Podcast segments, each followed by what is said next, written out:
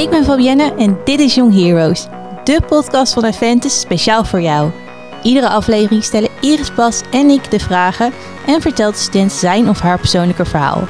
Onze jonge helden zijn eerlijk, openhartig en neem je mee in een gebeurtenis of situatie die hun leven heeft beïnvloed en vaak veranderd. Hoe gingen ze hiermee om? Wie stond er voor ze klaar? En welke les hebben ze hiervan geleerd? Check snel Young Heroes. Young Heroes. Deze aflevering neemt Max ons mee in zijn leven. Er is veel gebeurd. Dit raakt hem. Maar hij liet het niet merken. Praten hierover en hulp zoeken deed hij al helemaal niet. Dit had gevolgen. Het ging mis. Wat gebeurde er? Wat betekent dit voor Max? Hoe gaat het nu met hem? En wat heeft hij hiervan geleerd? Ook hebben we zijn vriendin aan de lijn. Hoe kijkt zij naar Max? We gaan het hem vragen. Het gesprek met Max hadden we een jaartje geleden. Aan het eind van de aflevering maken we dan ook een tijdsprong en checken we even hoe het nu met hem gaat. Laten we beginnen. Dit is de Asse Young Heroes over Mannen praten niet. Young Heroes. Dankjewel Fabienne. Welkom, leuk dat je er, er weer bij bent en met eh, mij samen en met Iris. Hoi Iris. Hoi. Eh, weer een aflevering wil opnemen van eh, Young Heroes.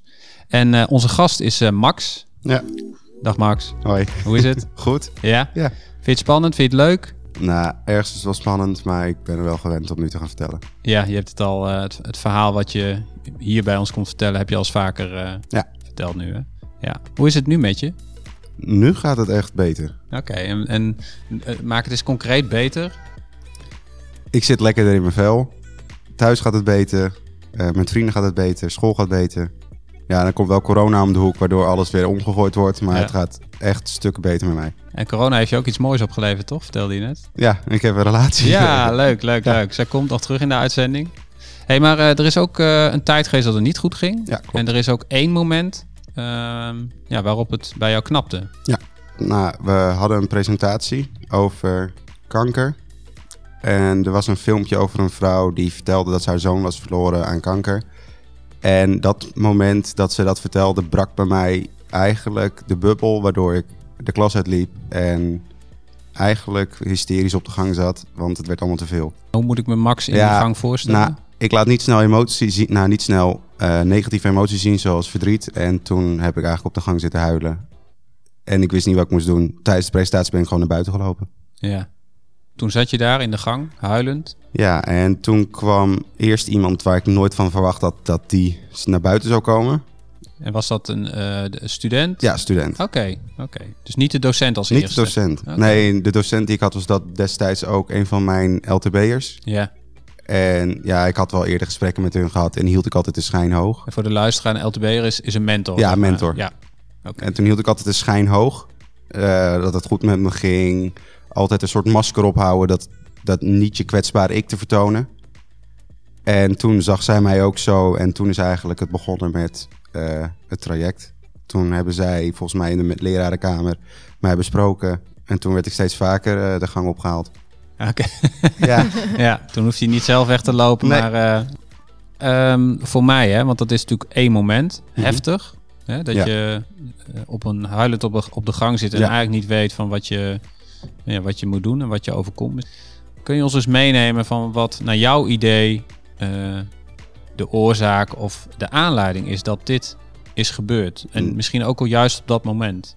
ik denk dat het begonnen is toen het overlijden van mijn oma. Dat was een soort vertrouwenspersoon voor mij, daar praatte ik mee. Nou, toen die wegviel in 2016 had ik geen vertrouwenspersoon meer, dus praatte ik niet meer. Dus kropte ik alles op. Nou, toen eh, ging het thuis wat slechter. Wat waren dingen die je opkropte? Ja, alle eigenlijk negatieve emoties en negatieve eh, invloeden die op mij kwamen. Maar je noemde net ook dat masker en dat je het Ja. dus moeilijk vindt om dingen te vertellen. Wat maakte dat je het zo opkropt en dat je het zo bij jezelf houdt? Ik denk vooral dat het komt omdat jongens zich niet kwetsbaar willen opstellen. Die willen zich gewoon laten zien, kijk, ik kan het zelf wel oplossen. Ik ben sterk genoeg om mijn eigen problemen te kunnen oplossen. Ja. En ook ergens schaamte en denken van, ik ga jou niet mijn problemen vertellen. Misschien heb je zelf ook wel problemen. Maar voel je je dan te veel als je je problemen bij andere mensen neerlegt? Ja, ik voel me dan een soort van als ik, alsof ik me opdring aan diegene. Oké. En ja, Toen kreeg in 2019 eigenlijk, dus maken we wel een sprong, want daarvoor, ja, ik heb het zelf niet doorgehad dat ik slechter ging. Maar mensen in mijn omgeving wel. Maar in 2019, rond september, kreeg mijn vader diagnose darmkanker. En dat sloeg bij mij wel in. En eigenlijk is het toen echt fout gegaan met school, thuissituaties, vrienden. Eigenlijk elk mogelijk raakvlak waar het fout kon gaan, is het fout gegaan. Je beschrijft de ziekte van je vader en dat, dat je dat veel deed. Maar hoe was jouw thuissituatie? Nou, wij zijn een samengesteld gezin. We wonen met z'n zevenen. Eh, op z'n drukst zijn we met z'n zevenen. Waar is dat? Is In, dat... in fase bij mijn moeder. Oké, ja. Mijn moeder en vader zijn in 2008 gescheiden. Nou, mijn moeder kreeg een eh, man, Mark, dat is een stiefvader. En eh, die had dan een zoontje. Nou, mijn moeder en mijn vader hadden drie kinderen. Dat zijn ik en mijn twee zusjes. En toen kregen ze samen ook nog een kind. Dus toen waren we met z'n zevenen. En voor mij even, dat is dus het gezin met jouw stiefvader. Ja. Dus jij woonde met jouw Moeder en stiefvader. eigen moeder en Ja. stiefvader. En in totaal dan... Zeven man. Het was wel best wel druk, dus we zijn altijd best wel druk geweest. Met mijn moeder ging het best slecht, omdat ik eigenlijk niet doorhad hoe ik... Ik was moe van continu dat masker dragen op school. Altijd vrolijk zijn, altijd blij zijn, sociaal doen. En als je dan thuis komt en je doet hem af, dan ben je eigenlijk kapot en zagrijnig. En dat straalde ik dan uit op het gezin. En zelf had ik het niet door. Mijn moeder zegt altijd, ben je nou altijd die zagrijnige Max als je bij anderen bent? Of ben je altijd die leuke Max? Oké, je had echt twee gezichten. Zeg Ja. maar. ja. En, en beschrijf dat eens, als jij zagrijnig was of, of eh, vervelend was thuis, hoe ging het er dan aan toe? Nou, dan zat ik vooral op mijn kamer. En als ik dan geroepen werd, werd ik... Ik was echt licht ontvlambaar op dat moment. Snel boos worden. eh, snel geïrriteerd raken. Kortaf zijn, grote bek geven. Vooral dat. Ja, en hoe reageerde jouw moeder daarop? En misschien ook je stiefvader?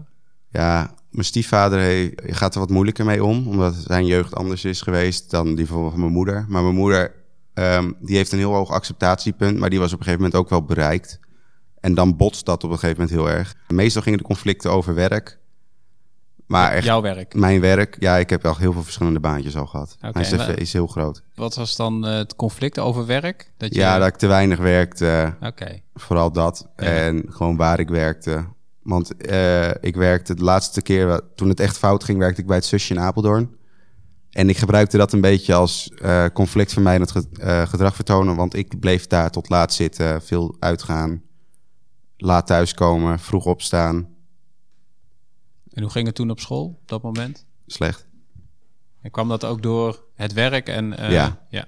Is er een moment geweest dat jouw moeder zei, nu is het klaar? Of heb jij een moment gehad dat je dacht, nou, nu is het klaar? En... Ja. Nou, ik niet. Maar mijn moeder samen met mijn twee LTB'ers. Eh toen waren mijn LTB'ers wouden een gesprek met mijn moeder erbij. En toen zeiden mijn LTB'ers ook... je moet stoppen met het werken bij het zusje... want het verpest je hele dag-nachtritme en je schoolsituatie. En ik wou het zelf niet inzien... want ik had eindelijk toen het idee van... ik hoor erbij. Ik heb altijd al mijn hele leven gezocht naar het acceptatiepunt van anderen... van of ik erbij mocht horen of niet. Want toen ik zes was, is dus ADD geconstateerd. En toen kreeg je al gouden stempel van druk jongetje. Niemand wil met je omgaan. Dus ik zoek altijd die acceptatiepunt. Nog steeds zoek ik dat acceptatiepunt bij mensen of ze me leuk vinden of niet. Oké.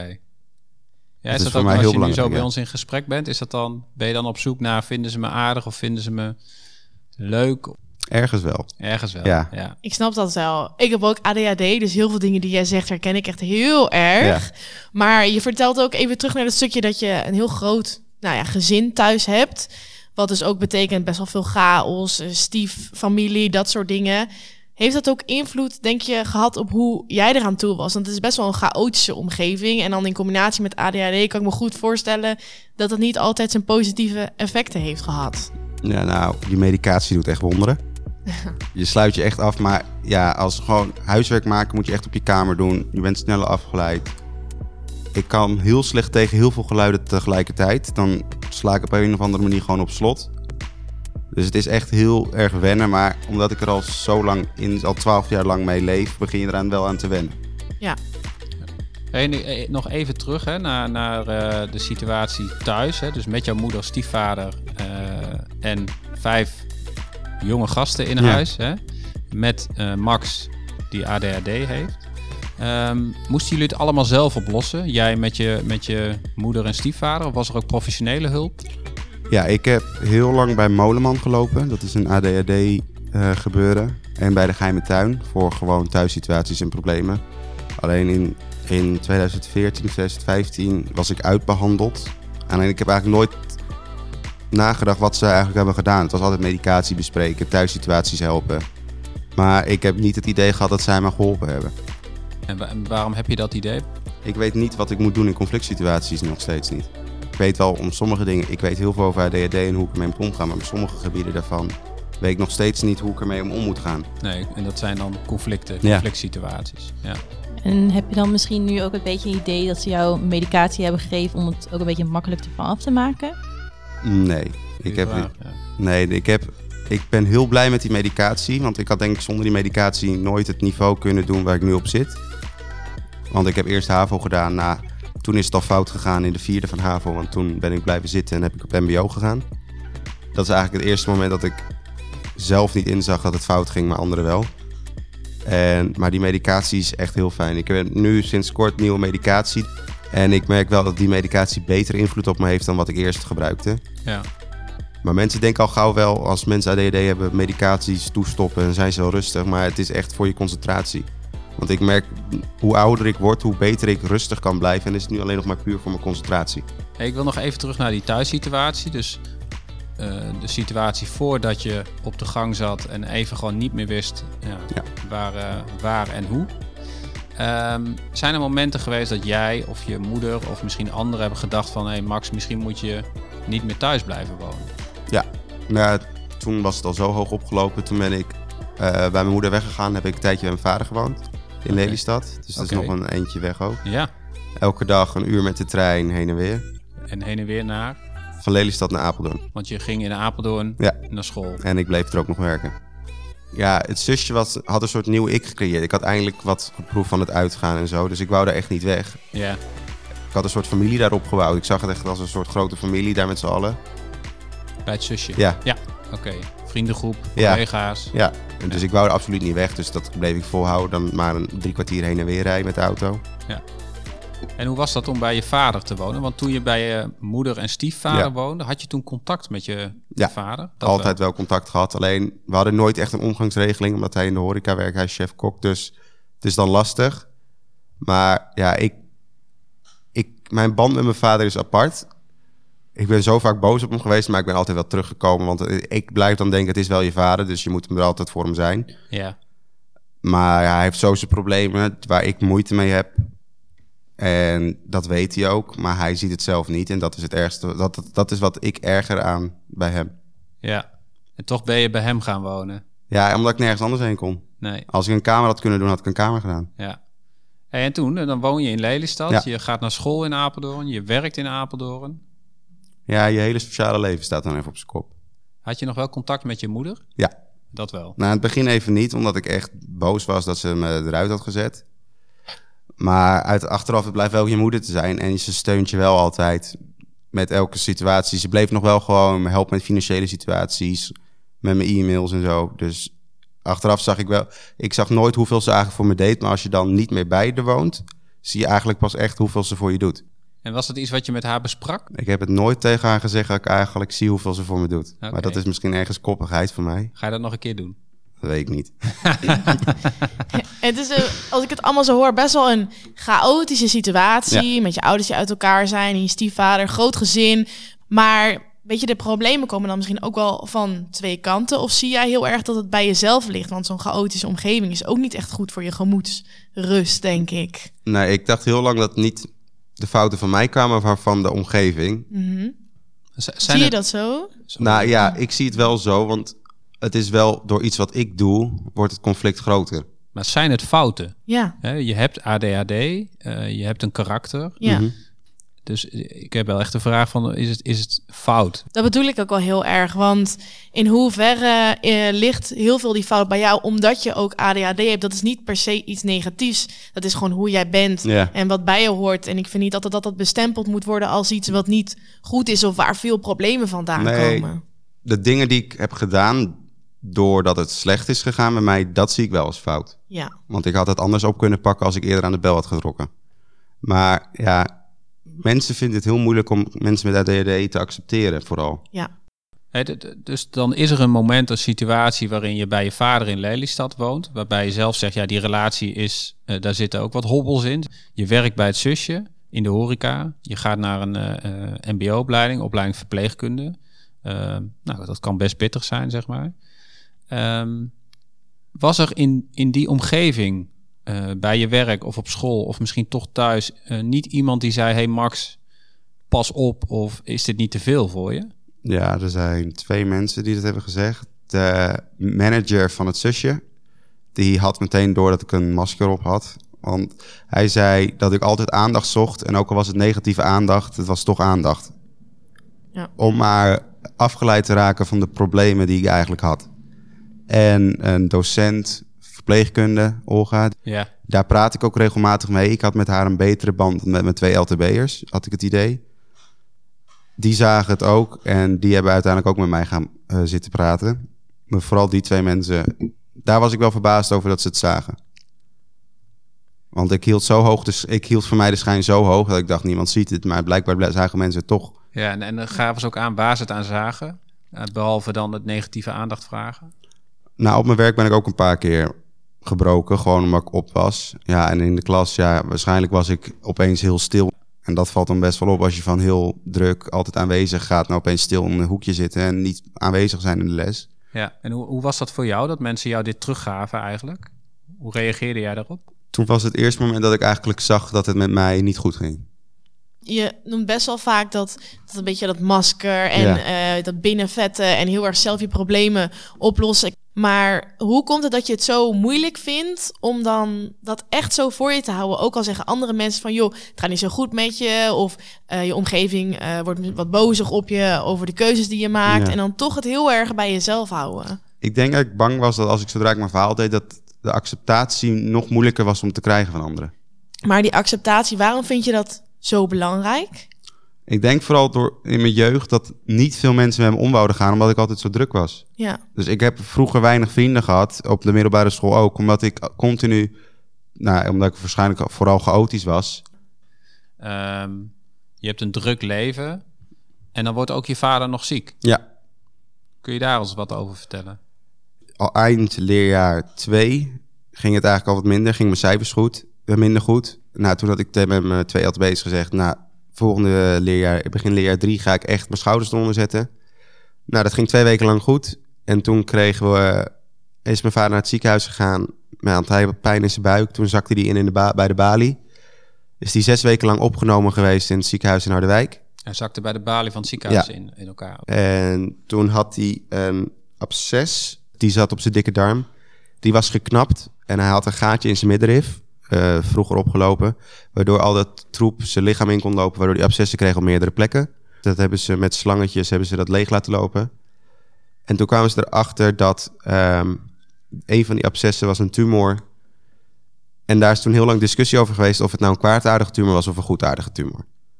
Uiteindelijk was het een kwaadaardige tumor. Is die op kerstavond geopereerd. Eh was een bedreigende operatie, want ze moesten die tumor verwijderen.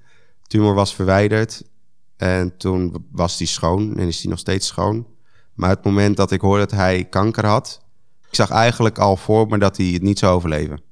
Vooral niet door zijn levensstijl, drinken, roken, Ja. zag ik zijn overlevingskans klein worden. ja, dus jij had eigenlijk al geaccepteerd, of niet geaccepteerd misschien, maar het scenario van Ja. mijn vader overlijden. Want ze hadden gezegd, eh, toen het uiteindelijk bleek dat het kanker was, kwaadaardige tumor, eh, hadden ze gezegd dat eh, het behandelbaar was. En dat had ik tegen Olga gezegd. Alleen Olga zegt, als mensen zeggen dat het behandelbaar is, betekent niet dat het geneesbaar is. Dus ik had in mijn hoofd dat hij palliatief was, maar dat had ik dus fout gezegd, Ja. gedacht. En voor luisteraars palliatief betekent dat je Ja, dat je toewerkt naar de dood. Ja, de laatste levensfase, zeg maar. Ja. Levensverlengend had ik het in mijn hoofd. En dat bleek dus fout te zijn. Jeetje, dat is wel een, eh, weer een flinke klap op alles wat je Ja. al had gehad. Want je stelde, dit was in 2019. Dan heb je al zoveel dingen die elke keer op je bordje kwamen. Ja. En Was dit dan de genadeklap waarvan Ja. je dacht... en nu ben ik echt op? Ja. Ja? Nou, ondanks al de ruzie die ik met mijn vader heb, het is toch je vader. En Ja. dan zie je hoe erg het... Ik denk dat het ook was hoe erg ik het zag, hoe het bij mijn zusjes aankwam. Eh, kwam dat moment in die klas met de presentatie waar kanker een onderwerp was, hè? Eh, Ja. Kwam dat voor jou toch onverwacht?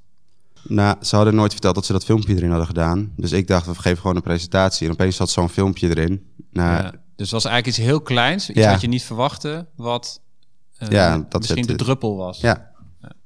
Is dat iets wat jullie herkennen, Fabienne? Dat je eh, misschien ongemerkt dat er maar iets heel kleins hoeft te gebeuren, waardoor je toch eh Ja, ik denk, breekt, zeg maar. ik denk wel als eenmaal je emmertje te vol zit, dan hoeft er maar een heel klein dingetje te gebeuren voordat het echt helemaal overstroomt. Ja. En, en is, iets, is het iets wat jou ook wel eens overkomt of is overkomen? Of ben jij iemand die dat misschien toch op tijd in de gaten heeft of zich daartegen kan wapenen? Nou, ik ben sowieso ook wel heel erg iemand die eh, alles voor mezelf houdt en ik deel mijn problemen eigenlijk ook niet echt. Nee. Dus ik, ik herken mezelf wel heel erg in en ik ben heel erg iemand die het altijd een beetje van me afschuift. wat, zeg wat, doet, wat doet het verhaal van Max met jou als je dit zo hoort? Ja, ik vind, het, ik vind het wel intens inderdaad. Ja. Ja. ik vind het wel best wel heftig ook wel. Ja. Ja. En jou, Iris? ja, ik herken me wel een deel in jouw verhaal. De Ook ADHD dan? Omdat ik dan ADHD heb, maar ook ergens in je verhaal best wel chaotische... Ik heb ook best wel een chaotische familie, chaotische omgeving. En die combinatie, die werkt gewoon niet zo goed samen. En ik heb ook wel dat ik dan vroeger heel veel een binnenvetter was. En toen ineens toen ging dat emmertje overlopen. Want op een gegeven moment kreeg ik paniekaanvallen. En toen dacht ik, en nu wordt het tijd om gewoon alles eruit te gooien. En nu Ja. als ik ergens mee zit, dan gooi ik het gewoon allemaal eruit. Ja. Omdat dat beter voor me werkt. Ja, ik heb er nog steeds moeite mee met alles eruit gooien. Ja, vind je Ja? dat nog steeds lastig? Ja, Ja, dus dat, dat we in het begin zeggen een binnenvetter, dat, dat, is wel, dat klopt wel in die Ja. zin. Dat is wel iets wat je van nature bent. nou, mijn vriendin zegt het ook. Praat nou eens een keer. Ja, Ja. ik zeg, ja, als ik het wil, dan doe ik het wel. Maar als ik er geen zin in heb, dan hou ik het lekker voor Nee. me. En we gaan er straks eens bellen Ja. en dan vragen wat Ja. zij- hoe zij daarnaar kijkt. Ik wil nog even terug. De, ehm, hoe is het nu met je vader? Nou, hij is gisteren geopereerd. Hij had een stoma gekregen omdat hij niet meer ontlasting mocht krijgen via zijn dikke darm. Eh, nou, dat is dus verwijderd. Dus ik had gisteren lekker vier uur lang zitten rijden om mijn zusje naar het ziekenhuis te brengen. Want door corona mag maar één iemand komen. Dus ik dacht, ik laat mijn zusje wel gaan, want die heeft een iets betere band met mijn vader dan ik. Eh, maar vorige maand hadden ze nog een polyp gevonden. Die bleek kwaadaardig te zijn, maar die hebben ze allemaal gelukkig kunnen verwijderen. Dus hij is nog steeds schoon.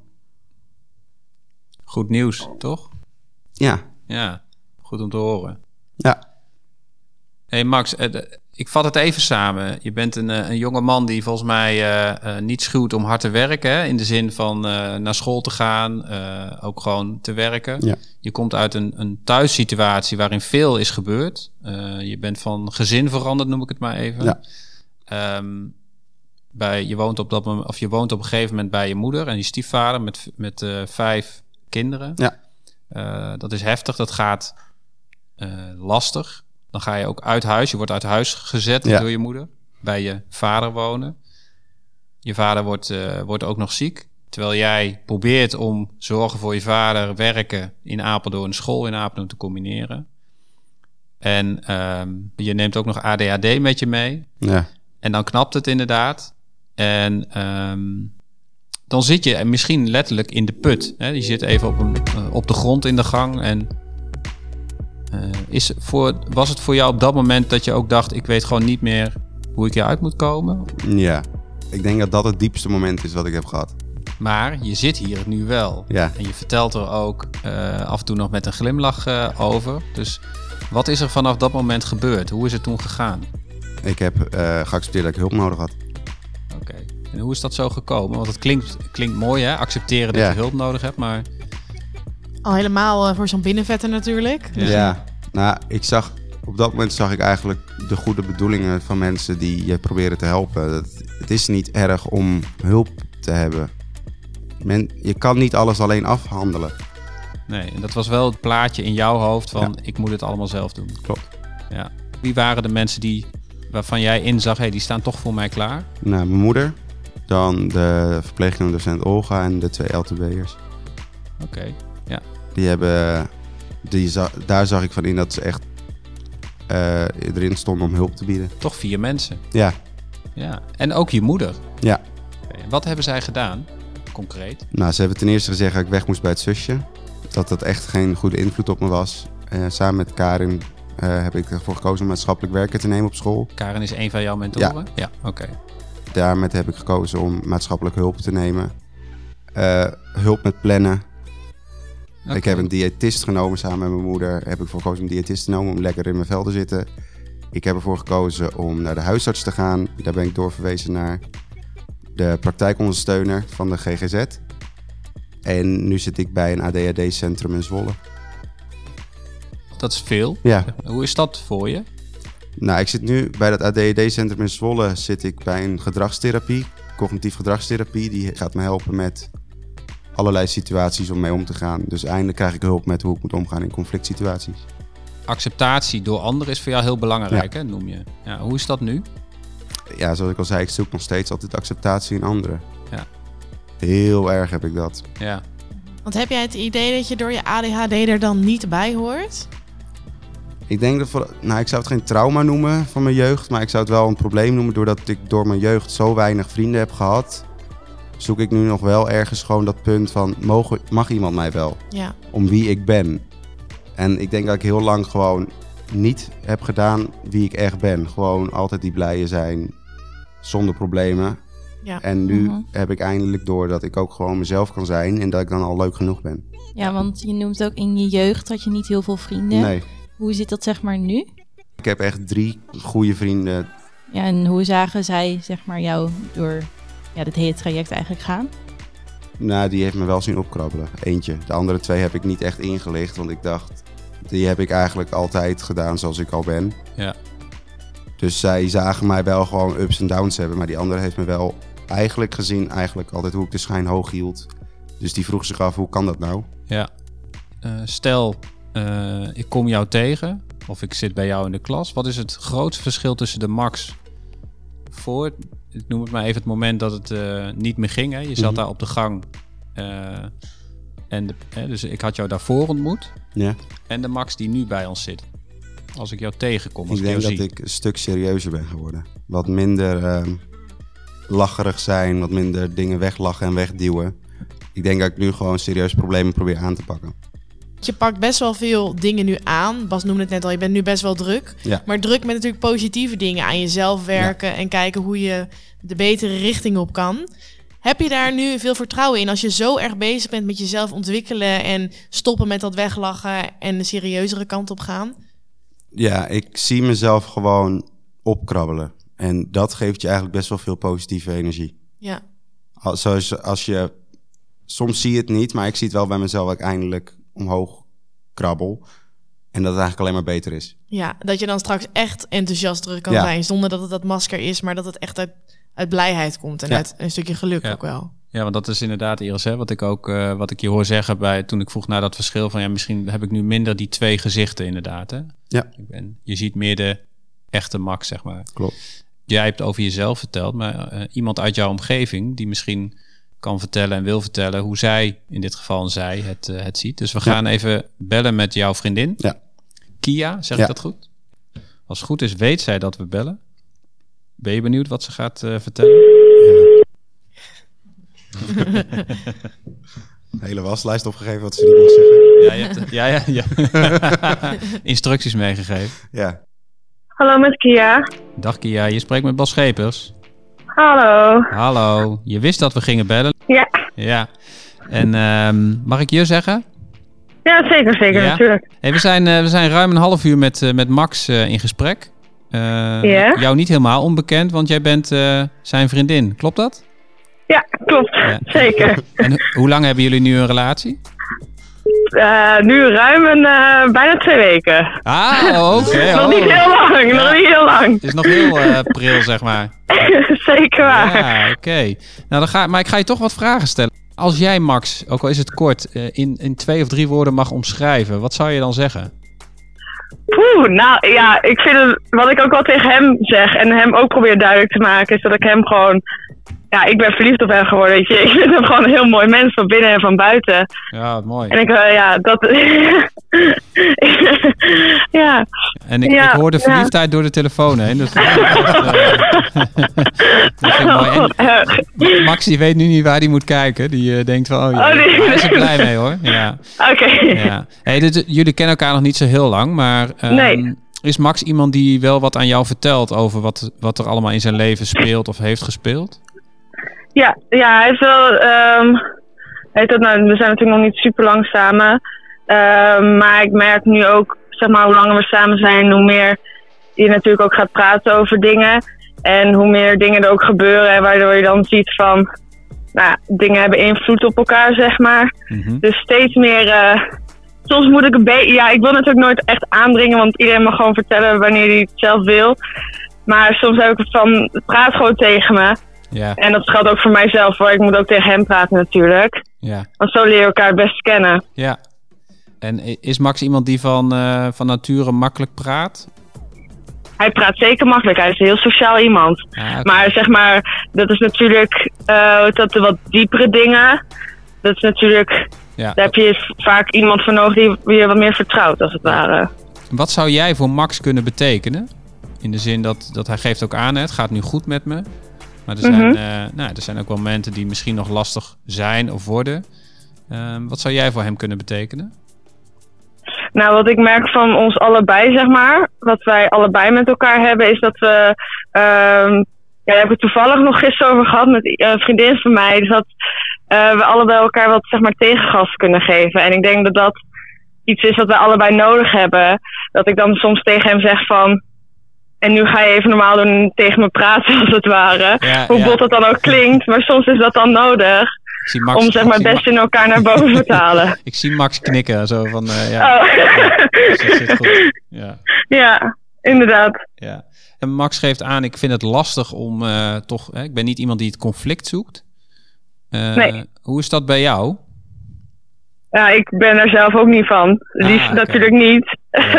het liefst natuurlijk niet. Maar ergens weet ik wel dat soms een discussie wel nodig is, zeg maar, om verder te komen. Ja, dit klinkt allemaal heel, eh, heel heftig. Maar soms is het nodig om toch even tegen elkaar in te gaan. Om Ja. daarna het weer goed te maken en er alleen maar beter van te worden. Wat, maakt Max uniek? Zo! Ja, Ja, heel veel. dat is een lastige vraag, maar het is gewoon, als ik ook gewoon, ja, nou ja, ik, we hebben natuurlijk nog niet super lang, dus ik ben nog helemaal. Alles is uniek aan Max. Inderdaad, maar om dat nou weer te zeggen, is ook weer zo heftig. ja. Nee, ik, ja, wat ik al in het begin al zei, ik vind hem gewoon mooi van binnen en van buiten. Ja. En ik hoop dat hij dat zelf ook meer gaat zien. Ja. En daar word je alleen maar mooier van. Eh, ik zie een, een, eh, een eh, bruisende, een stralende Max. Dus hij is helemaal blij. Dus ik ga ook even aan hem vragen hoe het was om dit te horen. Ja, In ieder geval heel erg bedankt. Ja heel goed. Bedankt. Oké, tot ziens. Oké, dag. Doei. Ja, het hebben Max. over eh, witte broodweken, jongens. Ja. Het eh, spat van de telefoon af, hè? ja, mooi hè? Toch? Ja, ik vind het Ja. echt Ja, leuk. Zeker, echt, zeker. ja. Je zit hier ook een beetje met zo'n grijns, zo je houding verandert wel een beetje Ja. naarmate Ja. we haar hoorden praten. Ja. Ja. Want Ja. hoe is dit om te horen, Max? Nou, ze zeggen het wel heel vaak dat ik mooi van binnen en van buiten ben. Alleen ik heb nog steeds moeite met dat zien. Waar heb je moeite mee? Dat van binnen of dat van buiten? Dat van buiten vooral. Oké. Ja, omdat ik, ik ben vooral omdat het zo slecht ging, ben ik wat aangekomen en zo. En dat Ja. probeer ik nu af te sporten Ja. met de diëtist. Alleen het is nog steeds lastig om dan gewoon goed naar jezelf te kijken en zeggen, ja, je bent er ook. Ja. Ja, ik merk in het gesprek, hè, wat, wat Iris ook al zei, dat je toch inderdaad, het komt vaak terug, hè, dat je toch te Ja. accepteren van jezelf. Ja. Want eh, Iris Fabienne, hoe kijken jullie naar Max? Nou, als ik naar jou kijk, dan zie ik een hele intelligente jongen vooral. en gewoon ook wel gewoon lekker jezelf. Tenminste, hoe ik nu hier... Mijn eerste indruk van jou is dat je nu wel gewoon heel open bent.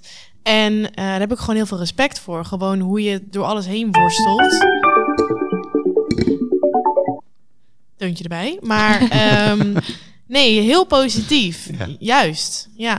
Ik vind wel dat je, ondanks alles, toch wel heel veel positieve energie uitstraalt. Ja. En Ja. dat vind ik ook wel mooi om te zien. Ik wil je ook even vragen van, het gaat nu goed, het Mhm. gaat beter, je, bent, eh, je vriendin is heel erg verliefd op je. Volgens mij ben je ook verliefd op haar. Ja. Maar hoe zie jij de toekomst? Wat zijn dingen waar je naar uitkijkt? Nou, ik kijk heel erg uit nadat ik deze opleiding heb afgerond. En dan vooral mijn nieuwe opleiding start. Oké, dus opleiding verpleegkunde op het mbo afronden. En Ja. wat wil je dan? Medische hulpverlener op het hbo. Dan word je een ambulanceverpleegkundige. En ik heb een belofte gedaan aan mijn oma dat ik eigenlijk HAVO zou afronden. Nou, dat is niet gelukt. Dus dan probeer ik dan maar op de mbo naar de hbo en dan hbo af te ronden. En ja, ik wil gewoon een leuke toekomst bouwen. Ik heb, zoals ik altijd ook tegen mijn vriendin zei, ik heb eindelijk nu de deur dicht kunnen doen van het verleden en dan een nieuw hoofdstuk kunnen beginnen. Ja, En daar ben ik nu volop mee bezig. Ja, die belofte, dat, dat, dat puzzelt Ja. mij wel. Dus je hebt echt een soort belofte die ook maakt dat je zegt... hé, hey, ik heb Ja. een doel waar ik... eh, ja. Klopt. Hebben jullie wel zo'n belofte gedaan, Iris of Fabienne?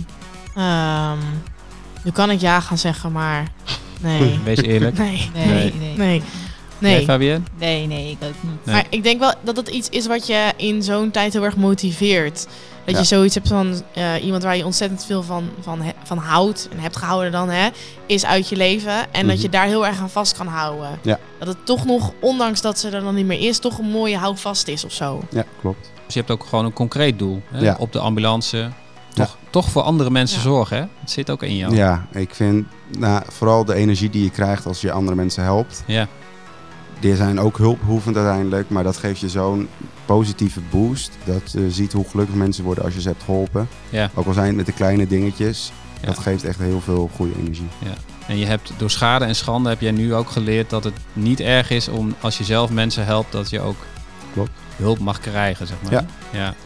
Hey, ik heb eh, tot slot nog één vraag. Stel, eh, je, mag, eh, je bent straks geslaagd, hè? MBO-diploma. En Olga, een van de docenten of mentoren die je in het begin al noemde, die vraagt jou om een gastles te geven aan een klas. En niet over verpleegkunde, maar ook over, is er iets wat je uit je eigen leven tot nu toe hebt geleerd? Ja. Wat zou je zo'n klas mee willen geven? Dat het eigenlijk niet verkeerd is om hulp te vragen. Dat je je er niet voor hoeft te schamen. Mensen zijn ervoor om je te helpen, dus neem de hulp als je hem nodig hebt. Iris Fabienne, is dat iets wat, eh, wat ook een boodschap voor jullie zou kunnen zijn? Ja, ik had dat eh, drie jaar geleden moeten horen. Toen had ik zelf ook zo'n moment dat ik helemaal zo instortte, noem ik het altijd Ja. maar. Maar nu eh, weet ik onderhand ook dat het oké is en dat ik hulp aan mag nemen van mensen. Ja. Ik zal mezelf niet overslaan. Eh, voor mij geldt dit ook. Ik herken heel erg dat alles zelf willen oplossen en dat hulpvragen een teken van, ja, voor mij voor zwakte is. Ehm, en ik heb ook wel door schade en schande moeten ervaren dat eh, ja, hulp vragen helemaal niet erg is en dat er altijd heel veel mensen, meer mensen dan je denkt, bereid zijn om, eh, om Ja. te helpen. Moet je nagaan, wij zeggen dat nu alle vier hier, hè? Van ja, ik doe dat niet echt en ik, ik Ja. aanvaard niet echt hulp. Ik denk dat zoveel mensen dat hebben en Ja. dat zoveel mensen meer open voor zouden moeten staan. Ja, Max, ik wil je echt heel erg bedanken voor je eh, openhartige verhaal. Ja. Eh, bedank ook Kia voor hele leuke antwoorden en ook eh, de blijdschap die ze, die ze door de telefoon heen eh, uitstraalde. En eh, Iris en Fabienne, jullie ook weer bedankt. Ja, jij, Jij ook ook. bedankt. En eh, tot de volgende keer. ja. Even een flash forward. Max voelt zich beter dan ooit. Als hij zich nu zorgen maakt over werk, stage of zichzelf, praat hij erover. Dit doet hem meer dan goed. Hij is nog steeds erg gelukkig met zijn vriendin en ze hebben plannen om samen te gaan wonen. Een mooie stap in het leven van Max. In onze volgende aflevering praten we met Elise. Zij heeft een spier- en gewrichtsziekte. Dit heeft invloed op haar dagelijks leven. Ze is niet op haar mondje gevallen en redt zich goed. Maar hoe is het om een ziekte te hebben die je lichamelijk beperkt? Hoe kijken anderen naar je? Welke toekomst zie je voor jezelf? We vragen de volgende aflevering aan Elise. Wil je deze aflevering niet missen? Volg Young Heroes. Deze aflevering is gemaakt door Iris Wattier, Fabienne Heijink en Bas Schepers. Ramiro Martina verzorgde de montage. De eindredactie is in handen van Tim Heltjes en deze productie kwam tot stand dankzij Aventus. Verder praten over deze aflevering? Check de socials van Aventus of mail naar socialmedia.aventus.nl.